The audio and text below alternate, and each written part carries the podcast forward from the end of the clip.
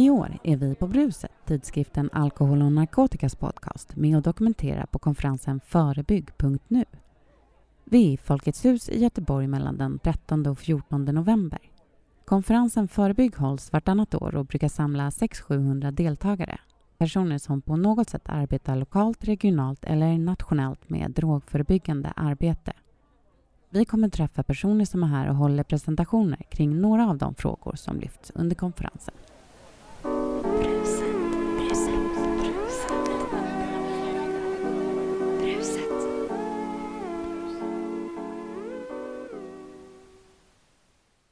Då säger jag välkommen till Brusets rum här på Förebygg, Peter Larm. Du har flera titlar i programmet, så att om du berättar själv, vem är du, vad gör du? Ja, tack för att jag fick vara med här. Ja, jag heter Peter Larm så, så, såklart och eh, jag eh, jobbar som forskare på CAN, men jag är också docent i folkhälsovetenskap vid eh, Mälardalens högskola. Eh, och som eh, forskare på CAN så är också knuten till Karolinska institutet. Och du har jobbat med den longitudinella studien Futura 01. Om vi börjar med, vad menas med en longitudinell studie? En longitudinell studie, är, då följer man en grupp eh, individer över tid. Så att man kanske inte bara tillfrågar dem vid ett tillfälle, utan man försöker tillfråga dem vid upprepade tillfällen.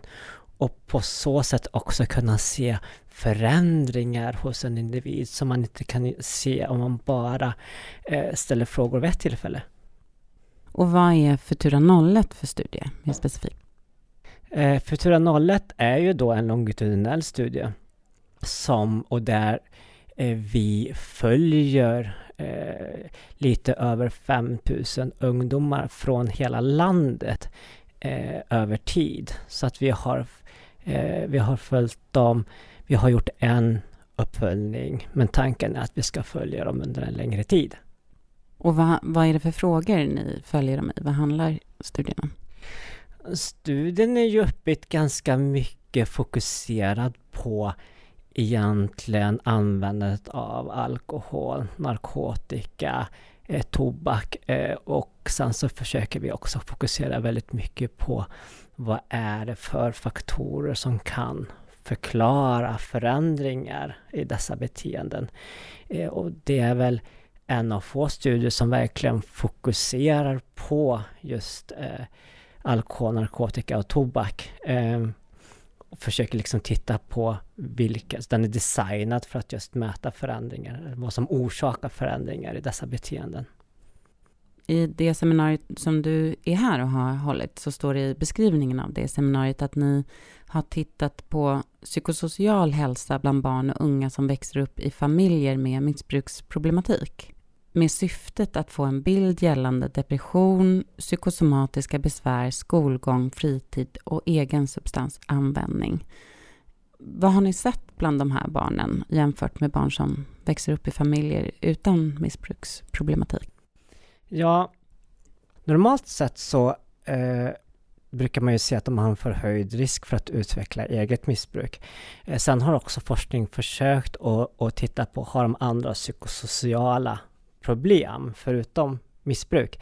Eh, och där har ju studierna, när det gäller andra psykosociala problem, så har studierna varit ganska spridda i sina resultat, så att det finns liksom ingen riktigt samlad bild.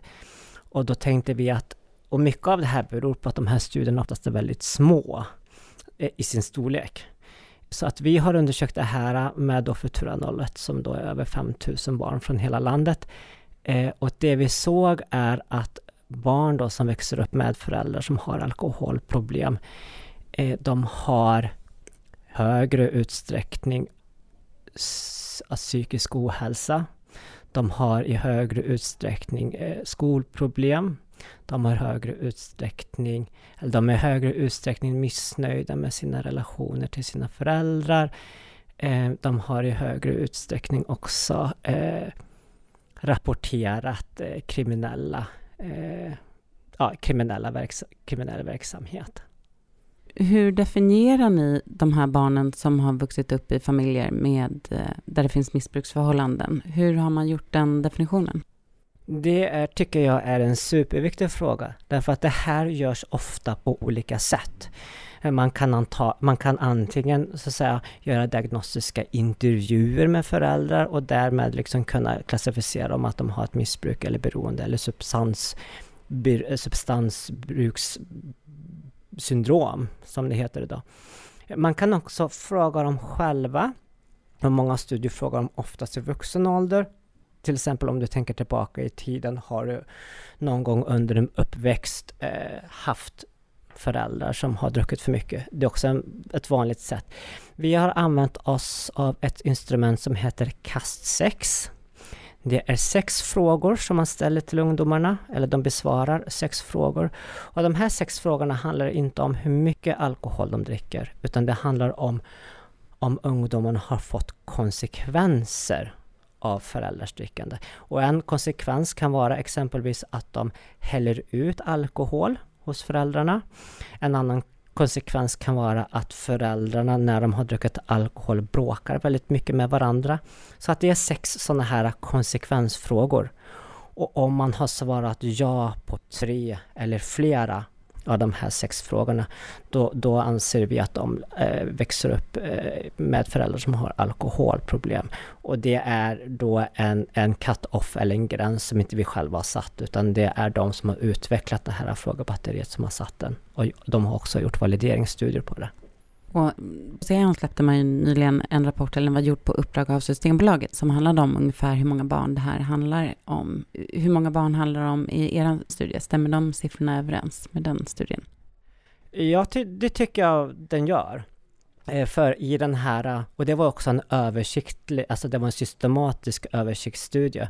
Och där pekar man just på de här svårigheterna i att, att eh, man kan så att säga man kan klassificera eh, föräldrar som har alkoholproblem på flera olika sätt. Vi fick ju fram ungefär 13 procent. När vi inkluderade KAST 6 i, i en av skol, eh, skolundersökningar, då fick vi fram 14 procent för samma årsgrupp. Så där ligger det ganska bra. När det gäller också den här eh, översiktsstudien så sa ju de att uppskattningsvis 20% växer upp med, en, med minst en förälder som har alkoholproblem. Men 15 eh, det är 15% som upplever någon form av konsekvens av det. Eh, så att där ligger vi ganska bra med 13 procent, ligger ganska nära de 15 procenten då. De stämmer överens, alla de här tre olika egentligen jämförelserna kring hur många barn det handlar om? Ja, det kan vi säga. De här ungdomarna som ni studerar, när är det de har deltagit i undersökningen? De deltog första gången 2017 och då gick de i årskurs 9. Sen har vi följt upp dem en gång 2019, eh, alltså tidigare i vår och då gick de i årskurs 2 på gymnasiet. Har ni använt eh, data i, i de här analyserna? Har ni använt data från båda insamlingarna då? Det var en jättebra fråga. Nej, vi har bara använt vid första insamlingen för att eh, den andra insamlingen var färdig först det här i början av hösten. Så vi, vi har inte hunnit riktigt att processa den datan. Eller den är processad nu, men vi har liksom inte hunnit att, att göra några studier gällande det här området på det än. Nej, det kommer senare. Er studie lyfter också vad som är utmärkande för de barn och unga som inte uppvisat några psykosomatiska besvär till följd av sin uppväxtmiljö i jämförelse med de som, som har uppvisat psykosomatiska besvär. Så jag undrar, vad är det som är utmärkande för dem? Ja, jag ska svara på det, men jag backar tillbaka bandet lite grann till vad som utmärker de som växer upp med föräldrar som har alkoholproblem. Så vi kunde ju se då att de inte bara hade Eh, en större andel som hade psykiska, psykisk ohälsa och så vidare, utan också att det var en betydligt större andel som hade eh, riskfylld alkoholkonsumtion, som eh, konsumerade alkohol överhuvudtaget. De hade en lägre debutålder av att dricka alkohol. De hade också en lägre debutålder av att eh, dricka sig berusad. Så att vi kunde i våran studie se att de hade en förhöjd risk eh, med sina, sina egna alkoholkonsumtionsmönster. Men också att de hade en förhöjd risk för alla andra psykosociala problem som vi hade med i studien. När det gäller den här gruppen då som eh, är uppväxta med föräldrar som har alkoholproblem men som utvecklas väl så är det en, en ganska liten grupp. Och här ska man tänka på att när vi pratar om resilience-studier, eller resilience då är en förmåga hos individer att utvecklas väl trots att man har varit med om betydande risker, trauman eller upplevelser. Eh, och de brukar man kalla för resilience, eller på svenska kallar vi dem för maskrosbarn. Eh, och de och studier förut har också varit ganska små studier. Um, och när det gäller små studier och först då så ska man plocka ut dem då som är, har växt upp med föräldrar som har alkoholproblem och sen ska man dela in då de i de som har lyckats eller klarat sig bra och de som inte har klarat sig bra. Och det blir ganska små grupper. Så att eh, ett, en sak med, en med tidigare studier är att man ofta har fokuserat på resilience mot ett eller två utfall. Det vill säga resilience mot fortsatt eller mot ett eget missbruk Eh, eller resiliens mot att utveckla eh, depression och ångest. Men vi ville ta ett större grepp. Så vi ville titta på resiliens mot flera olika utfall. Så vi tittade på resiliens mot riskkonsumtion av alkohol. För det är där vi ändå tänker att, eh, eh, jag menar det är ju en, en, del unga som dricker alkohol. Så att vi tänkte att då är mera riskalkohol en markör liksom. Eh, resilience mot emotionella problem. Och där ingår då ångest och depression. Eh, resilience mot hyperaktivitet. Och sen så resilience mot eh, antisocialt beteende eller normbrytande beteende. Och när man tar resilience mot alla de här fyra utfallen, då är det ungefär en fjärdedel av dem barn som växer upp med eh, föräldrar som har alkoholproblem som inte uppvisar de här eh, beteendena. Eh, och det skiljer sig lite grann från andra studier för då har många fler eh, varit resilience. Men då har de också tittat på resilience mot mindre antal utfall. Det som utmärker då resilience för den här gruppen som har klarat sig bra i, i både att utveckla eget missbruk men också andra psykos psykosociala problem. Eh, de skiljer sig på det här sättet och vi har också tittat mot normalbefolkningen för att se, okej, okay, de här äh, karaktärsdragen eller karaktäristika som resilientgruppen uppvisar, hur ligger de i nivå med normalbefolkningen? För att kunna få någon form av uppfattning om det. Men det som eh, skiljer sig, det som skiljer resiliens barnen från de som eh, har växt upp med föräldrar som har alkoholproblem men som inte har utvecklat resiliens, det är att de i större utsträckning kommer från eh, familjer med högre socioekonomisk status. Det är att de eh, är mera alltså monitonerade av föräldrarna. Och när jag säger det så menar jag att föräldrarna har större koll på vilka de umgås med.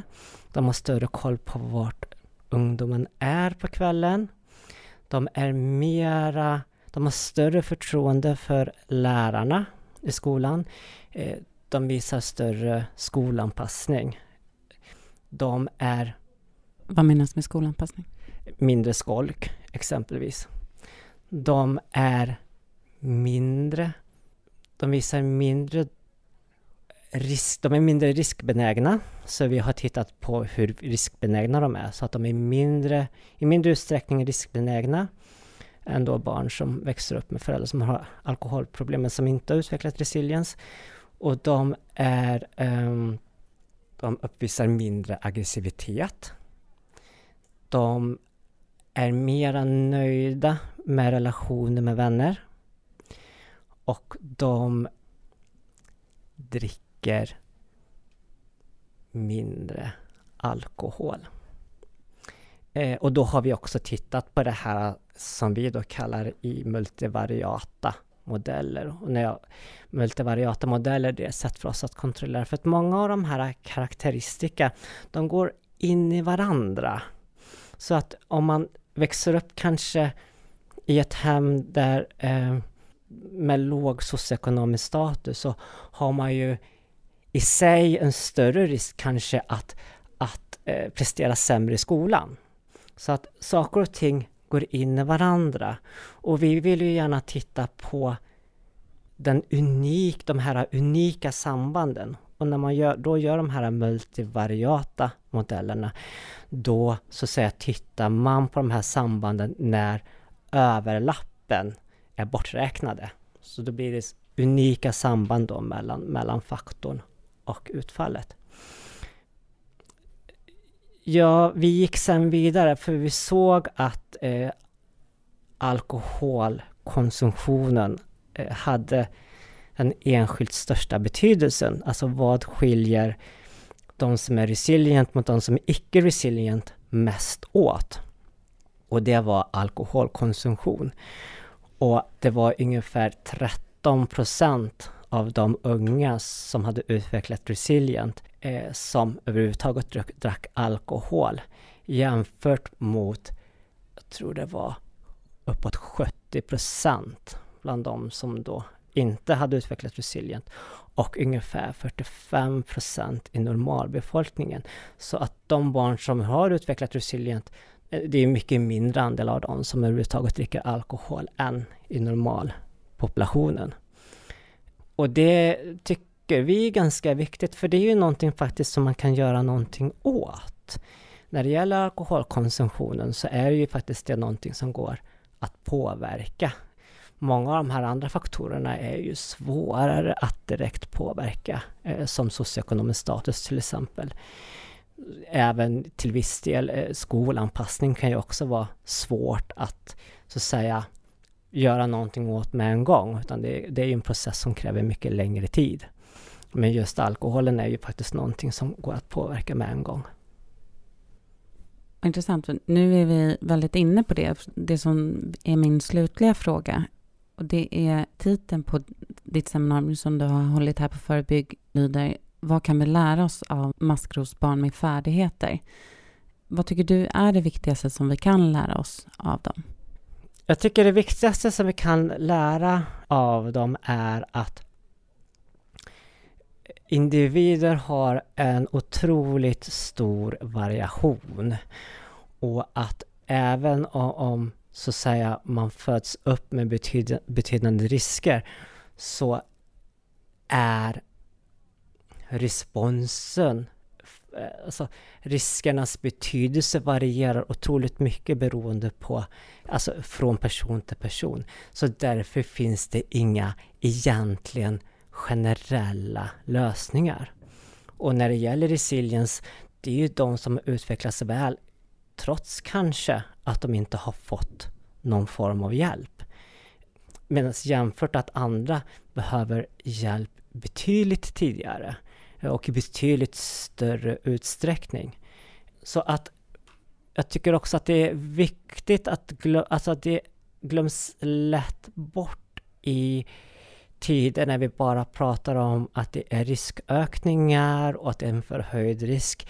Att också titta på barn och ungas färdigheter och bygga på de färdigheterna. Så om, om vi skulle säga, om du har någon idé om hur den kunskapen som ni har fått fram genom de här studierna ändå kan användas i förebyggande arbete? Skulle det vara, vad skulle det vara? Hur skulle du formulera det? Att bygga på individers färdigheter. Att eh, så säga eh, för om man ska prata om ett främjande perspektiv och kanske inte förebyggande perspektiv utan att man, och med det menar jag att man, man bygger på saker som får mål, folk att må bra istället för att man försöker att förebygga symptom. Så det stärker inte bara kanske de barn och unga som har behov av det, utan det stärker egentligen alla barn och ungas eh, ja, självmående och självkänsla, eller vad man nu ska säga. Eh, som då också i sin tur kan leda till ökad stress, ökad so alltså psykisk ohälsa och så vidare. Fint. Tack för att du kom hit, Peter Larm. Tackar.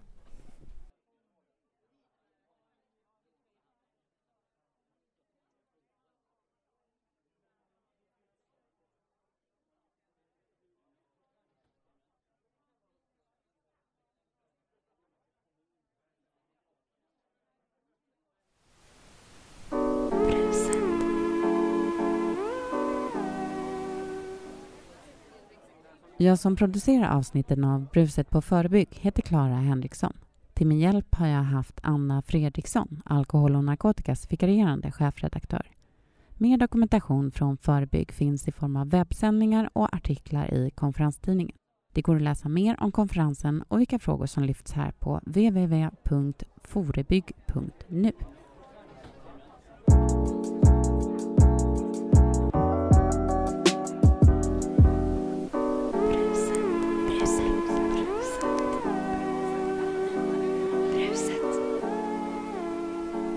Bruset.